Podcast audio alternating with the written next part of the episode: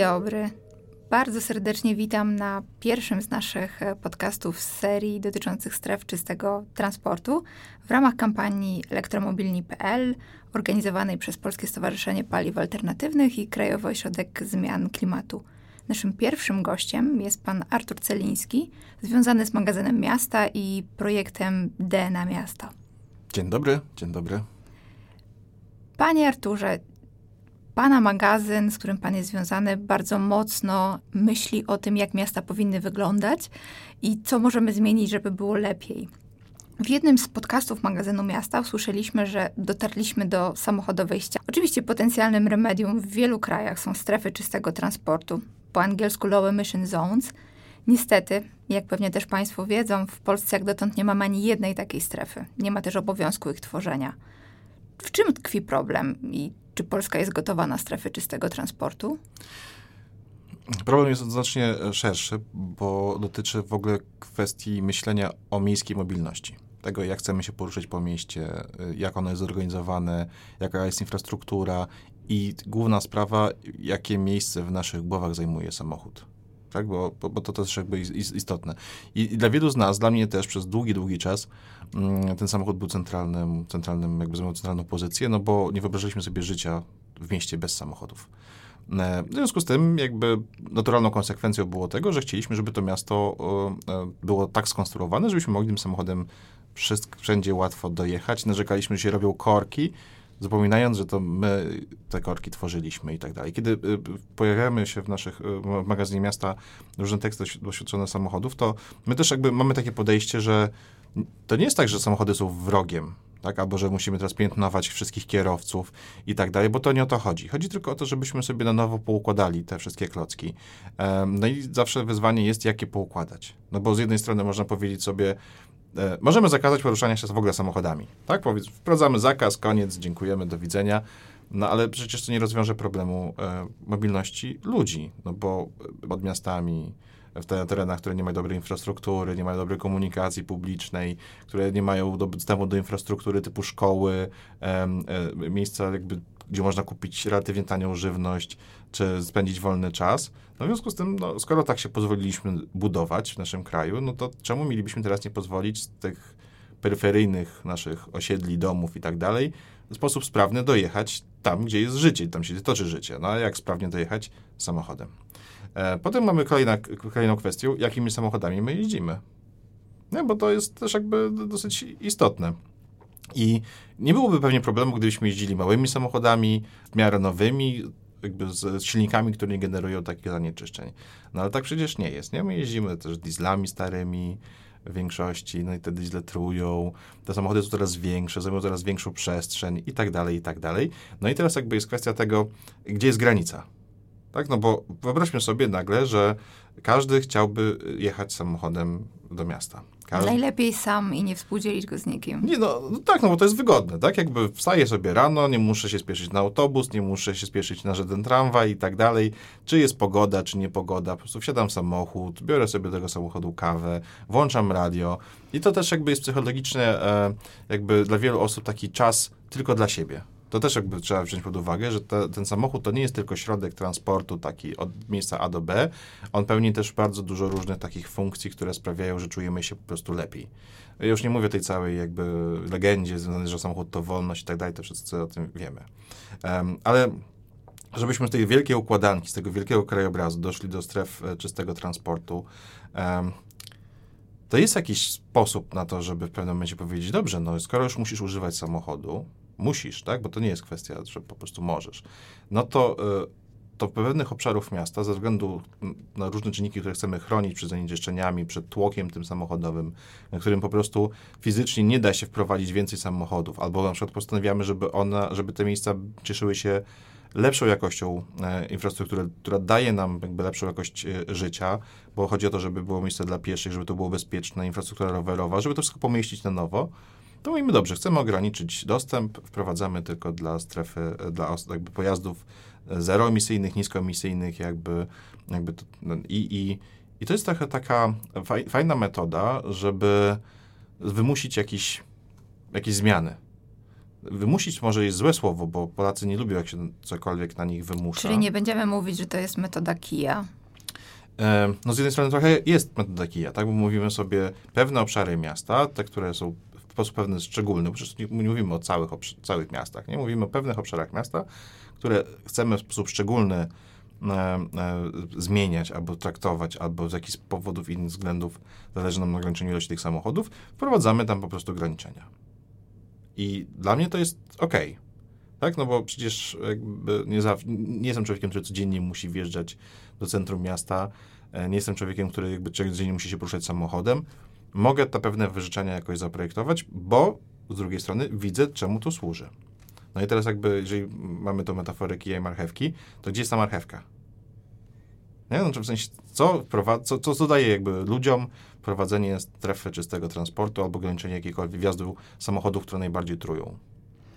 Tym, którzy przyjeżdżają, e, pewnie najmniej, jeżeli chodzi o marchewkę. Na pewno mieszkańcom i osobom poruszającym się na nogach, na rowerze w tym e, obszarze, bo to tak naprawdę jakość powietrza w tym miejscu jest najgorsza i staramy się chronić zdrowie tych mhm. osób, więc tutaj jest marchewka, ale to jest marchewka w pewien sposób odroczona i nie tych osób, które są zobligowane do pewnych wyrzeczeń, co jest trudne w tym no, zakresie. A moim zdaniem właśnie jest odwrotnie, ta marchewka jest gigantyczna i natychmiastowa, tak? I to jest tego bez, bezdyskusyjne dla mnie, bo śledzę doświadczenia innych miast, e, nie tylko powiedzmy tych największych zachodnich europejskich, gdzie tak mieszkańcy zamożni i tak dalej, ale też mniejszych miast e, z naszej części Europy.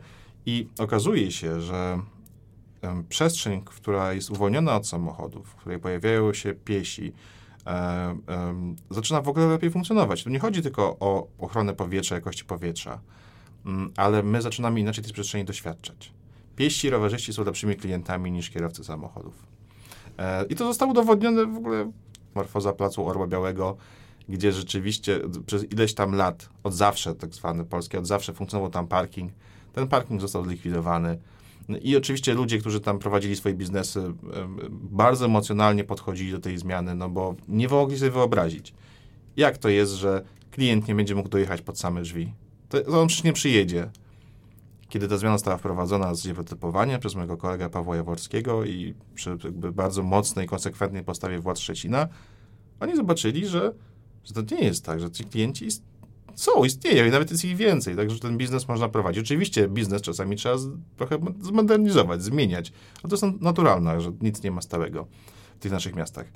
Y, y, druga marchewka, druga jakby osłona tej marchewki jest taka, że kiedy zaczynamy inaczej doświadczać przestrzeni, kiedy doświadczamy tego, że niekoniecznie potrzebujemy samochodów, to zaczyna się coś w naszej głowie zmieniać. To, o czym mówiłem, że mamy te, to, to nasze auta są w naszych, no, jakby tej piramidzie myślenia mobilności na zawsze na szczycie i są w ogóle, od myślenie, że one zaczynają spadać.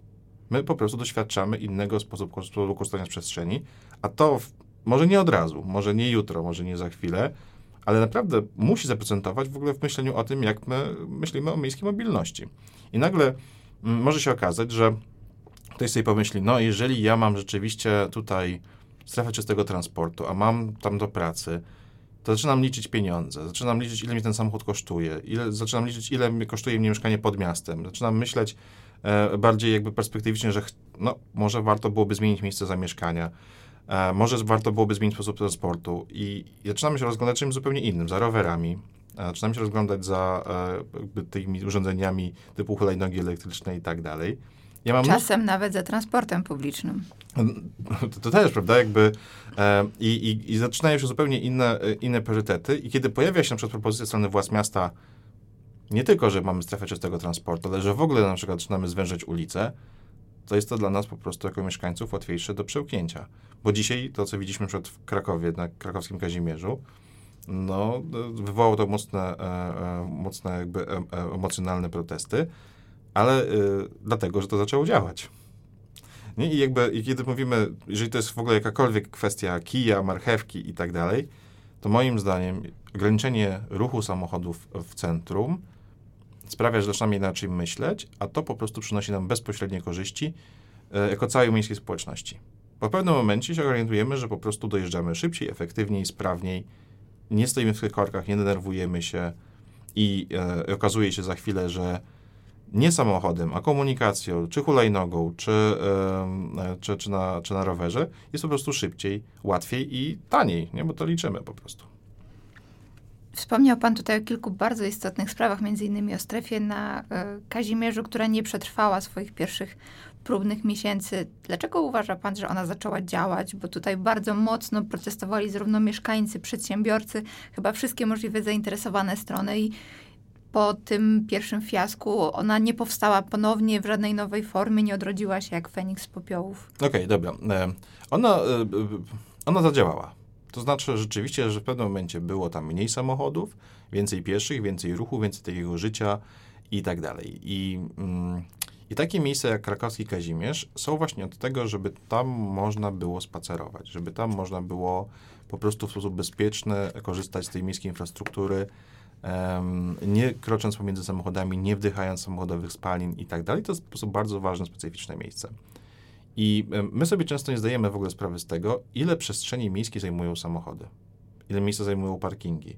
I że te parkingi często po prostu mm, stają albo bezużyteczne przez większość czasu, bo ja nie mówię tylko tutaj od 8 do 18, gdy ktoś pracuje albo ktoś przyjeżdża, ale mówimy w ogóle o, o całym jakby cyklu życia e, dobowego miasta że utrzymanie tych parkingów kosztuje, że ta przestrzeń e, po prostu mogłaby zupełnie inaczej zarabiać na siebie i funkcjonować i i jakby rozumiem, że ktoś może nagle się budzić, powiedzieć, no jestem lokalnym przedsiębiorcą, kiedyś do mojego sklepu ktoś przyjeżdżał i przyjeżdżał samochodem i tak dalej, a teraz, no ale czy ktokolwiek jakby ma takie sensowne dane, pokazał, jak mu się zmienił biznes. I ja nie wierzę, jak ktoś, jakiś przedsiębiorca i mówi, no to poprzez to, że klienci nie mogą dojechać do mnie samochodem, to ten biznes mi się popsuł bo, um, przykłady po prostu z innych miast pokazują, że to niekoniecznie musi być prawda. I teraz jakby kwestia jest tak w ogóle jakości debaty publicznej w tej, w tej, tej sprawie. Tak? I w Krakowie po prostu radni się przestraszyli um, tych, którzy mówili najgłośniej. I ja wiem, że w Polsce... Czyli mogli przeczekać ten etap e, krzyków e, lokalnych przedsiębiorców, aż oni zobaczą te plusy, czyli za szybko e, zniesiono tą strefę. Nie, no każda taka zmiana przestrzeni polskich miast wywołuje emocje. Jakby to jest jakby często pomijany w ogóle aspekt, że zdaje nam się, że, że racjonalne argumenty przekonają kogoś do czegoś i, i nawet jeśli jakby to jest jakaś kwestia wyrzeczeń, to jakieś widzimy większe dobro. Nie mamy tej, tej debaty publicznej prowadzonej w sposób jakby taki sensowny, uwzględniający również emocjonalną kwestię. Bardzo rzadko tak się dzieje. Dwa, że, mm, że jakby ten język korzyści na poziomie społecznym jest bardzo mało słyszalny, bo proszę sobie pomyśleć, że nasze pokolenie, e, powiedzmy ludzi, którzy wchodzili w dorosłość w latach 90., e, albo w 2000 na początku, jesteśmy pierwszym pokoleniem, które musi się czy powinno się wyrzec wygody w imię jakiegoś szerszego dobra. Tak, bo ja na przykład zgadzam się. Samochód to jest w ogóle fantastyczna wygoda. Wsiadam, dojeżdżam, wysiadam, mogę zabrać do niego mnóstwo rzeczy, e, mogę sobie wziąć tam rzeczy na przebranie, na śniadanie, na obiad, spakować, w ogóle nie trzeba tego dźwigać. Super wygodne, tak? E, ale mogę powiedzieć, dobrze, no wyrzekam się tej wygody, zamian za co? Tak? Jaka jest taka korzyść też dla mnie? I ja sobie myślę, bo to świetnie, bo mam czysto oglądam przestrzeń powietrzną, więc będę żył dłużej, może moje dzieci nie będą miały jakichś niebezpiecznych związków chemicznych w płucach, e, może tej przestrzeń będzie jakby atrakcyjniejsza, więc miejsce, które kiedyś było parkingiem, nagle ktoś zajmie i otworzy jakiś, jakąś knajpkę, albo zrobi się tam jakiś targ warzywny, e, i tak dalej, i tak dalej. I, i ja jestem w stanie to do tego dostrzec, ale na Krakow, krakowskim Kazimierzu być może tej dyskusji najgłośniejsi byli ci, którzy tego nie, nie umieli bądź nie chcieli dostrzec. Może ich związek jakby byli tak przestraszeni tymi zmianami, że nie znalazł się tam nikt, to byłby w stanie ten proces jakby trochę popilotować, bo to był też pilotaż, nie oszukujmy się. E, może też jest tak, że, e, że te zmiany przyszły za szybko. No, trudno jakby jasno wyrokować. Na pewno zgadzam się tutaj z e, dyrektorem Frankiem z, z Krakowskiego Zarządu Transportu Miejskiego, że, ten, że to zadziałało, że te efekty się pojawiły i tutaj jakby problem też jakby jest w Polsce, że mamy tą taką milczącą większość w tym wszystkim. Że osoby, którym się dobrze spaceruje, nie przyjdą taką radę miasta i powiedzą, ale przecież mi się tam świetnie po prostu funkcjonuje, tak? Przyjdą raczej te osoby, które mówią, a to jest zagrożenie dla mojego biznesu. Czy prawdziwe, czy nie, to już jakby, jakby inna sprawa. E, tak samo na przykład mamy z pasażerami komunikacji miejskiej. Proszę zauważyć, my mamy w Polsce jakby takie lobby kierowców, można by było powiedzieć, że jak się pojawiały ograniczenia, teraz mamy te zapowiedzi powieszenia opłat e, za mandaty i tak dalej i nagle się pojawia mnóstwo głosów protestu, że przecież to jest nie w interesie kierowców. I nawet jeśli to lobby kierowców formalnie nie istnieje, to pojawia się ktoś, kto w imieniu kierowców stara się mówić. E, dłuż, przez dłuższy czas w Polsce nie było kogoś, kto mówiłby w imieniu osób pieszych. Dopiero kilka lat temu powstała organizacja, e, która w imieniu pieszych, jakby jakości chodników i tak dalej lobuje za zmianami. Nie mamy też kogoś, kto by w imieniu pasażerów komunikacji miejskiej się wypowiadał. Tak, bo tam się wydaje, że to jest takie oczywiste, że to jest po prostu um, przezroczyste i że jakby nie ma co tutaj jakby lobować i tak dalej, to też jest po prostu gra interesów. Jeżeli parkingi zajmą nam więcej miejsca, to tego miejsca dla pieszych, czy dla pasażerów komunikacji miejskiej, czy dla rowerzystów, czy dla osób, które poruszają się na hulajnogach, będzie po prostu mniej. I tu nie chodzi o to, żeby teraz jakby te samochody po prostu wypchnąć totalnie, tylko żeby przywrócić właściwą równowagę. Tak, bo często się okazuje, że te samochody zajmują 50% przestrzeni. No i jakby, i gdzie tu jest jakby sens, gdzie tu jest logika? I to jeszcze najlepiej, jakby były zupełnie bezpłatne, dostępne w każdym momencie dnia i nocy i żeby tych miejsc parkingowych było tyle, ile, ile, ile, ile, ile trzeba. I nikt się nie zastanawia, ile takie miejsce kosztuje, nie tylko w sensie utrzymania, czyszczenia i tak dalej, ale tych jakby kosztów utraconych z powodu tego, że to miejsce nie pracuje w inny sposób. No i jakby skoro nie mamy tych wszystkich jakby obecnych wątków w debacie i wprowadza się strefę czystego transportu, dyskutujemy o tym, że możemy dokonać zmiany, to chyba brakuje nam jakby takich argumentów sensownych, tak? Tylko ktoś przychodzi i mówi, mój biznes traci klientów. No i jakby i uważamy, że to jest racjonalne, uważamy, że to jest sensowne, uważamy, że to jest jakby, nie wiem, warte wzięcia pod uwagę, a nie bierzemy pod uwagę tych wszystkich jakby ważnych kwestii, być może dlatego, że nie ma ich rzeczników.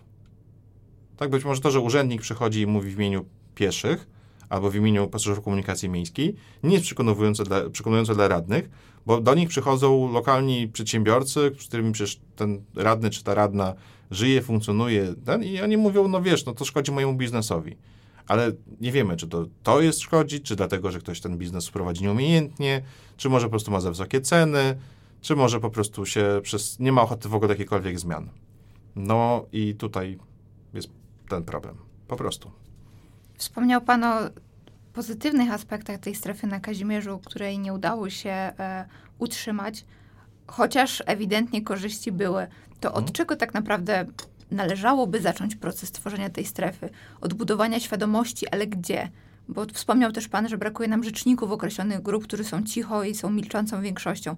Czy może w takim razie aktywizacja tych grup, nie tylko pieszych, nie tylko mieszkańców, a być może nawet budowanie świadomości wśród kierowców jest nam potrzebne, jak Pan uważa? E, znaczy, z każdym takich procesów jest ważna pewna wizja na początku, tak? Znaczy, żeby umieć ludziom um, przedstawić przyszłość tego, jak jak za 5-10 lat dane miejsce będzie funkcjonowało. Każdy proces zmiany jakby infrastruktury w mieście no, wymaga jakby trochę pokazania, do czego my dążymy.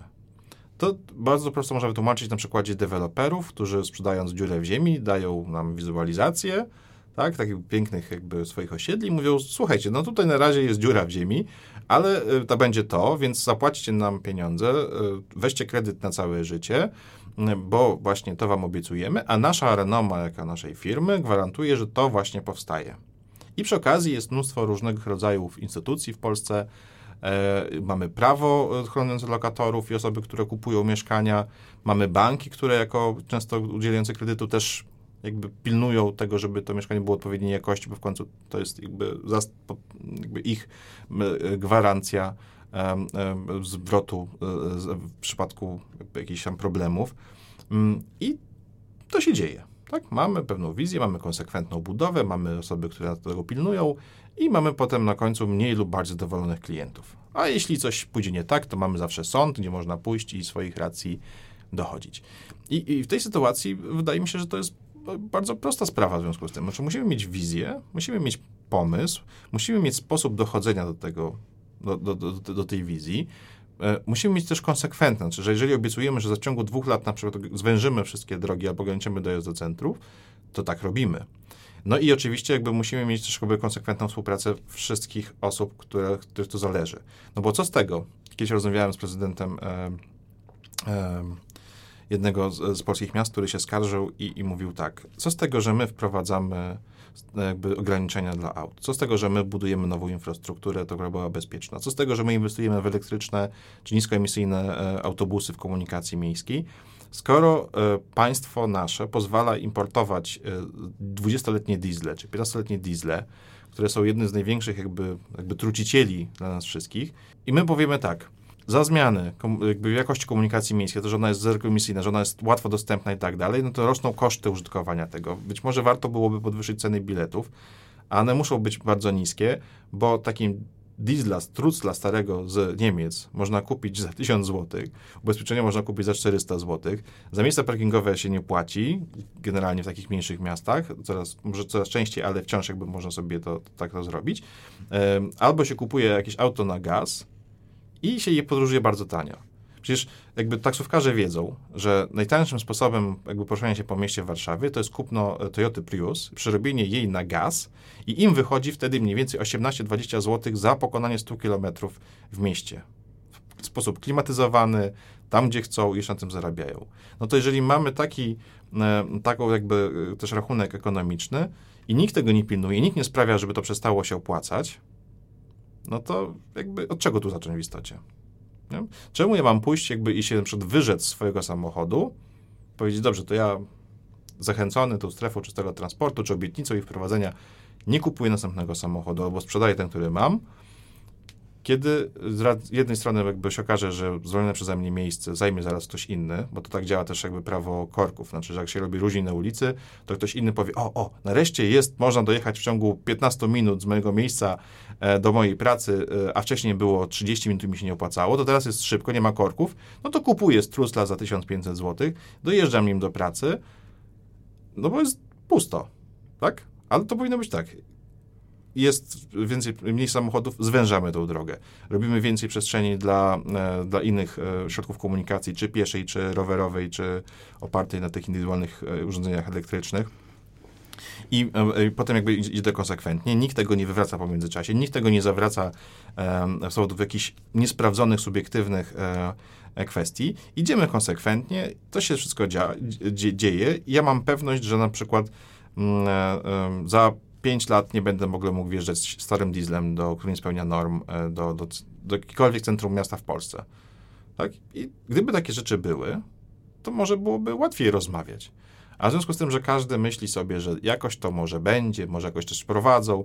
Tak? Ministerstwo Klimatu teraz yy, kilka chyba tygodni temu powiedziało, że te strefy czystego transportu w Polsce to mogą być, ale mieszkańcy mogą się poruszać swoimi samochodami, Nikt im nie mówi, jakie te samochody powinny być, tak? Nikt jakby ceny za miejsca parkingowe w centrum dla mieszkańców jest drastycznie niska.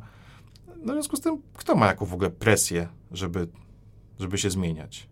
Wspomniana przez Pana kwestia stref czystego transportu jest teraz bardzo szeroko dyskutowana, bo mamy regulacje z 2018 roku, które na razie nie działają. Był mhm. pomysł, żeby strefy były obligatoryjne ze względu na występowanie poziomów zanieczyszczeń. Tutaj z doniesień medialnych wynika, że niestety ta propozycja wypadła z, z ustawy nowelizującej. Mhm. Czy w Pana opinii takie podejście, czyli odgórnego wskazania, że jeżeli w mieście e, występują w określonych e, przedziałach czasowych e, zanieczyszczenia e, i wtedy trzeba stworzyć taką strefę. I nie ma dyskusji, że, że mieszkańcy chcą czy nie chcą. Miasto musi to stworzyć to wynika z ustawy. Czy to miało szansę upowszechnić i zwiększyć akceptację tych stref w Polsce, czy de facto było działaniem w drugą stronę i tak naprawdę pozostawienie samorządom dobrowolności jest tą, tą lepszym, tym lepszym wyjściem? Oczywiście każdy kij ma dwa końce i bez jakby tej konkretnej wizji czy myślenia o tym, co my robimy i w jakim perspektywie czasowej, będzie trudno wytłumaczyć nam, jako mieszkańcom, jako użytkownikom samochodów, e, dlaczego te zmiany w ogóle są ważne i, i, czy to ma być obowiązkowe, czy nie. I ja się często w ogóle e, zastanawiam, jak to jest możliwe na przykład w takim mieście jak Rybnik, który jest jednym z najbardziej zanieczyszczonych miast e, w Polsce i pewnie na świecie. E, wychodzą badania, w których jakby dzieciaki mają e, bardzo te ciężkie metale w płucach czy w ogóle w organizmach i, i my sobie tak potrafimy spokojnie siedzieć.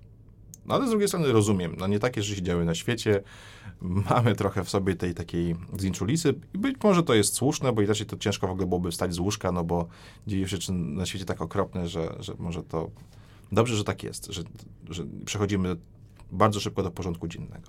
Z drugiej strony mamy mnóstwo już jakby instrumentów, które e, powodują, że pewnych rzeczy w miastach nie można robić, jak na przykład e, nie, palić jakby śmieciami w piecach, tak? I coraz częściej słyszymy o wprowadzonych jakby rozszerzonych zakazach, procesach wymiany, zachętach do wymiany i tak dalej. I to postępuje. Może powoli, może niekoniecznie efektywnie, ale postępuje.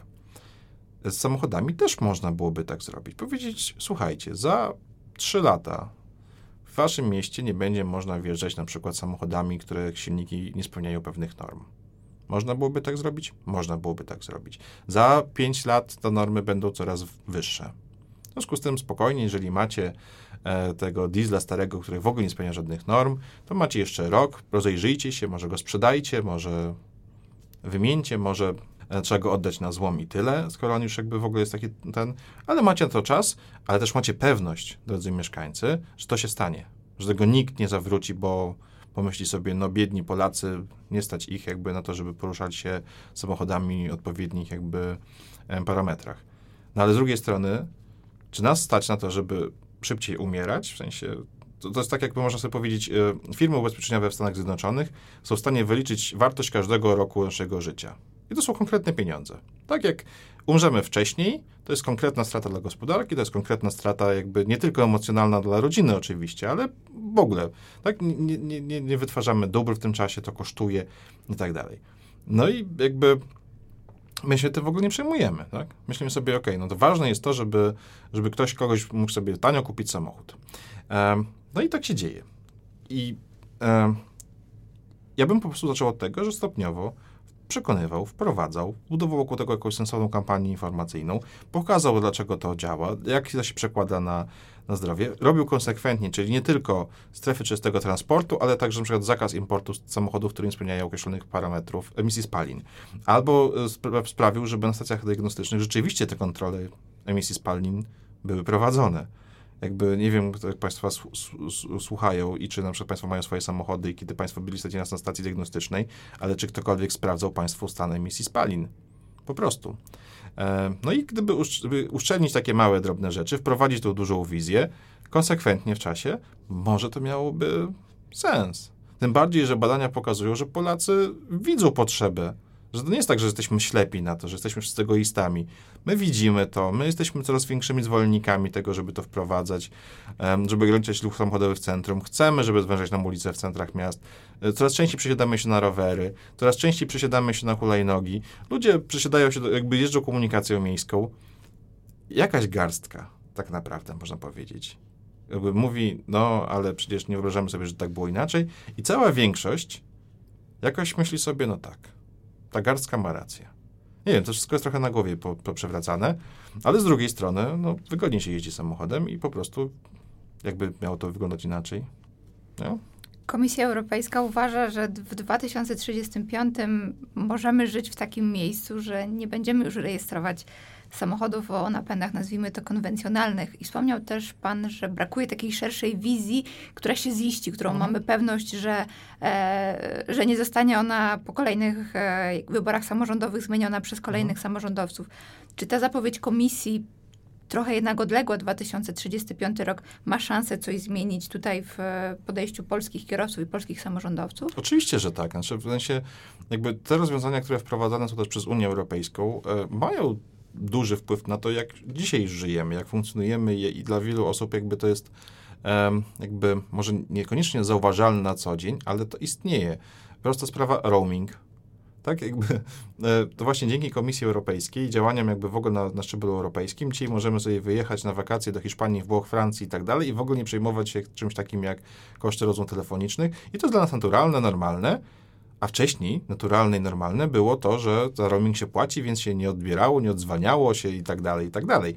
I nagle się zmieniło, tak? I to, co kiedyś było nienaturalne, bo jak to dzwonić tak po prostu sobie, nie wiem, spacerując po polach alizyjskich i dzwonić sobie do ciotki w Kajliszu czy w Inowrocławiu i gadać nie wiadomo ile. Przecież kto by to jeszcze 10 lat temu pomyślał, że tak można zrobić, że do nas będzie na to stać.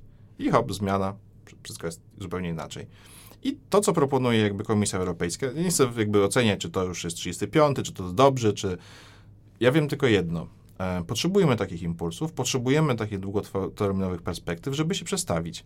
Koncerny samochodowe już pracują nad tym, żeby te samochody były głównie elektryczne, zeroemisyjne i tak dalej. Całkiem dobrze im w tym kierunku idzie. Na razie wiadomo, że to jest drogie, ale to się chwilę zmieni.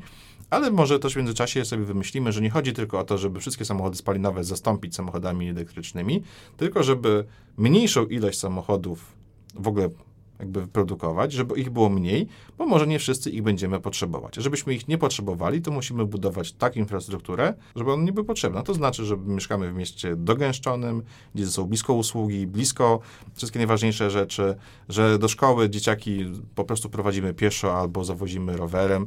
Ja wiem, że w Polsce powiedzą zimno jest, y, wieje i tak dalej, ale Zdarzyło mi się kiedyś być w lutym w Amsterdamie, stałem na przejściu dla pieszych, jechała cały ciąg rowerzystów, młodych, starych, matki z dziećmi w takich rowerach typu cargo, te dzieciaki w tym, tych jakby przyczniach bagażowych, nawet bez czapek często. Żyją? Żyją. Tak? Ja nie wiem, czy to dlatego, że po prostu nie wiem, mają może grubszą skórę, albo są bardziej wytrenowani. No ale jeżeli to jest kwestia wytrenowania, to my też się wytrenujemy. E, może nam rośnie grubsza skóra, jeśli ona jest potrzebna. Chodzi o to, że nic, to nie jest tak, że musimy powiedzieć, że takie rzeczy będą nienormalne. Przyjdzie czas na zmianę, zmienimy i za chwilę się nagle okaże, że my w ogóle nie wyobrażaliśmy sobie, że można byłoby inaczej funkcjonować. To jest tylko taka pokonania bariera mentalna, tylko żeby tę barierę mentalną pokonać, to przydałoby się wsparcie, na przykład gdyby wyszedł prezydent i powiedział, no to jest ważne, to jest potrzebne, musimy to zrobić. Gdyby premier wychodził co jakiś czas i mówił, tak, to jest ważne, potrzebne, idziemy w tym kierunku. Gdyby każdy burmistrz, czy, czy, czy prezydent, czy prezydentka miasta wychodziła i mówiła, gdyby radni wychodzili i mówili, że to jest ważne i potrzebne, dziennikarze gdyby wychodzili i niech, oczywiście będzie różnica zdań i opinii i tak dalej, ale e, miasto bez samochodów po prostu jest konceptem, który się sprawdza. E, no tylko, że u nas może mamy taki duży bałagan w miastach i w głowach, że myślimy sobie, że to jest jakieś coś niemożliwe do zrobienia. Zapewniam Państwa, to jest możliwe, to się robi i kwestia tylko tego, żeby po prostu zmienić przyzwyczajenia, a do tych zmian przyzwyczajeń właśnie potrzebujemy działań e, konkretnych e, ze strony władz miasta, e, władz państwa i właśnie Komisji Europejskiej, bo w końcu jesteśmy wszyscy na jednym nomen omen wózku i zobaczymy, Moim zdaniem to będzie naprawdę łatwiejsze niż nam się wszystkim wydaje. Bardzo dziękuję za zarysowanie tej optymistycznej wizji, że może być lepiej. Nie wiem, czy wszyscy słuchacze e, zgodzą się z wizją miasta bez samochodów, na pewno z wizją 15-minutowego miasta, mhm. gdzie wszędzie możemy dojść swobodnie i, i środkami komunikacji publicznej, e, poruszać się w taki sposób, aby było to wygodne, czy jest zimno, czy, czy pada. Mam nadzieję, że nasi słuchacze też podzielają e, tutaj nasze argumenty w tym zakresie. Ale to już podzielają, to widać na ulicach Warszawy nawet, prawda? Jakby e, często poruszam się rowerem, się tworzą korki rowerowe. E, y, oczywiście zmienia się Są powoli. nawet mierniki prędkości na ścieżkach Tak, rowerowych. oczywiście, że na razie jest tam jakby, to się wydaje, że tam trochę wariactwa, trochę jakby błędów systemowych, te ścieżki się nie łączą w sieci i tak dalej ale my idziemy w dobrym kierunku i teraz jakby kwestia jest tego, żeby czasami ten dobry kierunek trochę jakby tak zebrać do kupy i jakby przyspieszyć w tym wszystkim. I właśnie po to też służy prawo, żeby powiedzieć, no dobra, dobra, jesteśmy już na pewnym etapie, wprowadzamy, podnosimy odrobinę poprzeczkę, damy radę. Damy radę, to tam wszyscy jeżdżą rowerami, są samochody, owszem, ale one są dla tych, którzy naprawdę muszą, naprawdę muszą tymi samochodami się poruszać. I my, my możemy powiedzieć, tak zadać sobie sobie pytanie, czy my rzeczywiście potrzebujemy codziennie tymi samochodami jeździć? Czy my musimy ten samochód posiadać? Może czasu do czasu możemy go po prostu wynająć, jeżeli jest taka potrzeba. A może to, co robimy dookoła dnia, da się załatwić w inny sposób. M może trzeba też policzyć, ile kosztuje życie właśnie w takim domu pod miastem, takiego punktu widzenia. I teraz coraz więcej też moich znajomych mówi, którzy się przeprowadzili do takich domków pod miastem, mówi, ale to jest po prostu męczące bo moje dzieci i tak chodzą do szkół w centrum miasta. Ja muszę je wozić. Ja muszę zatem, to, w ogóle się, ach, mówią, lepiej byłoby wrócić do centrum miasta, tylko znowu e, działanie systemowe, tanie mieszkania, dostępne mieszkania i tak dalej, i tak dalej, i tak dalej. Ale to wszystko jest możliwe i moim zdaniem po prostu e, Polacy są bardzo mądrym narodem, sami dostrzegą, że pewne rzeczy są łatwiejsze, przyjemniejsze i to widać, e, patrząc na to, jak się zmienia e, sposób korzystania z miasta i coraz mniej osób ma prawo jazdy, bo po prostu tego nie potrzebuje i tak dalej. I jeszcze Polacy nieraz zaskoczą rządzących, że są bardziej gotowi na zmiany, którym rządzący sobie myśleli, że no nie, no Polacy tego nie kupią. No, Polacy to już dawno kupili, Polacy to już dawno stosują. Czas nadgonić, bym powiedział. Polacy dają radę. Mam nadzieję, że będzie dotyczyło to też stref czystego transportu. Dziękuję dzisiaj za dyskusję panu Arturowi Celińskiemu związanemu z magazynami miasta i projektem DNA Miasta. Dziękuję I zapraszam bardzo. na kolejne nasze podcasty związane ze strefami czystego transportu. Dziękuję.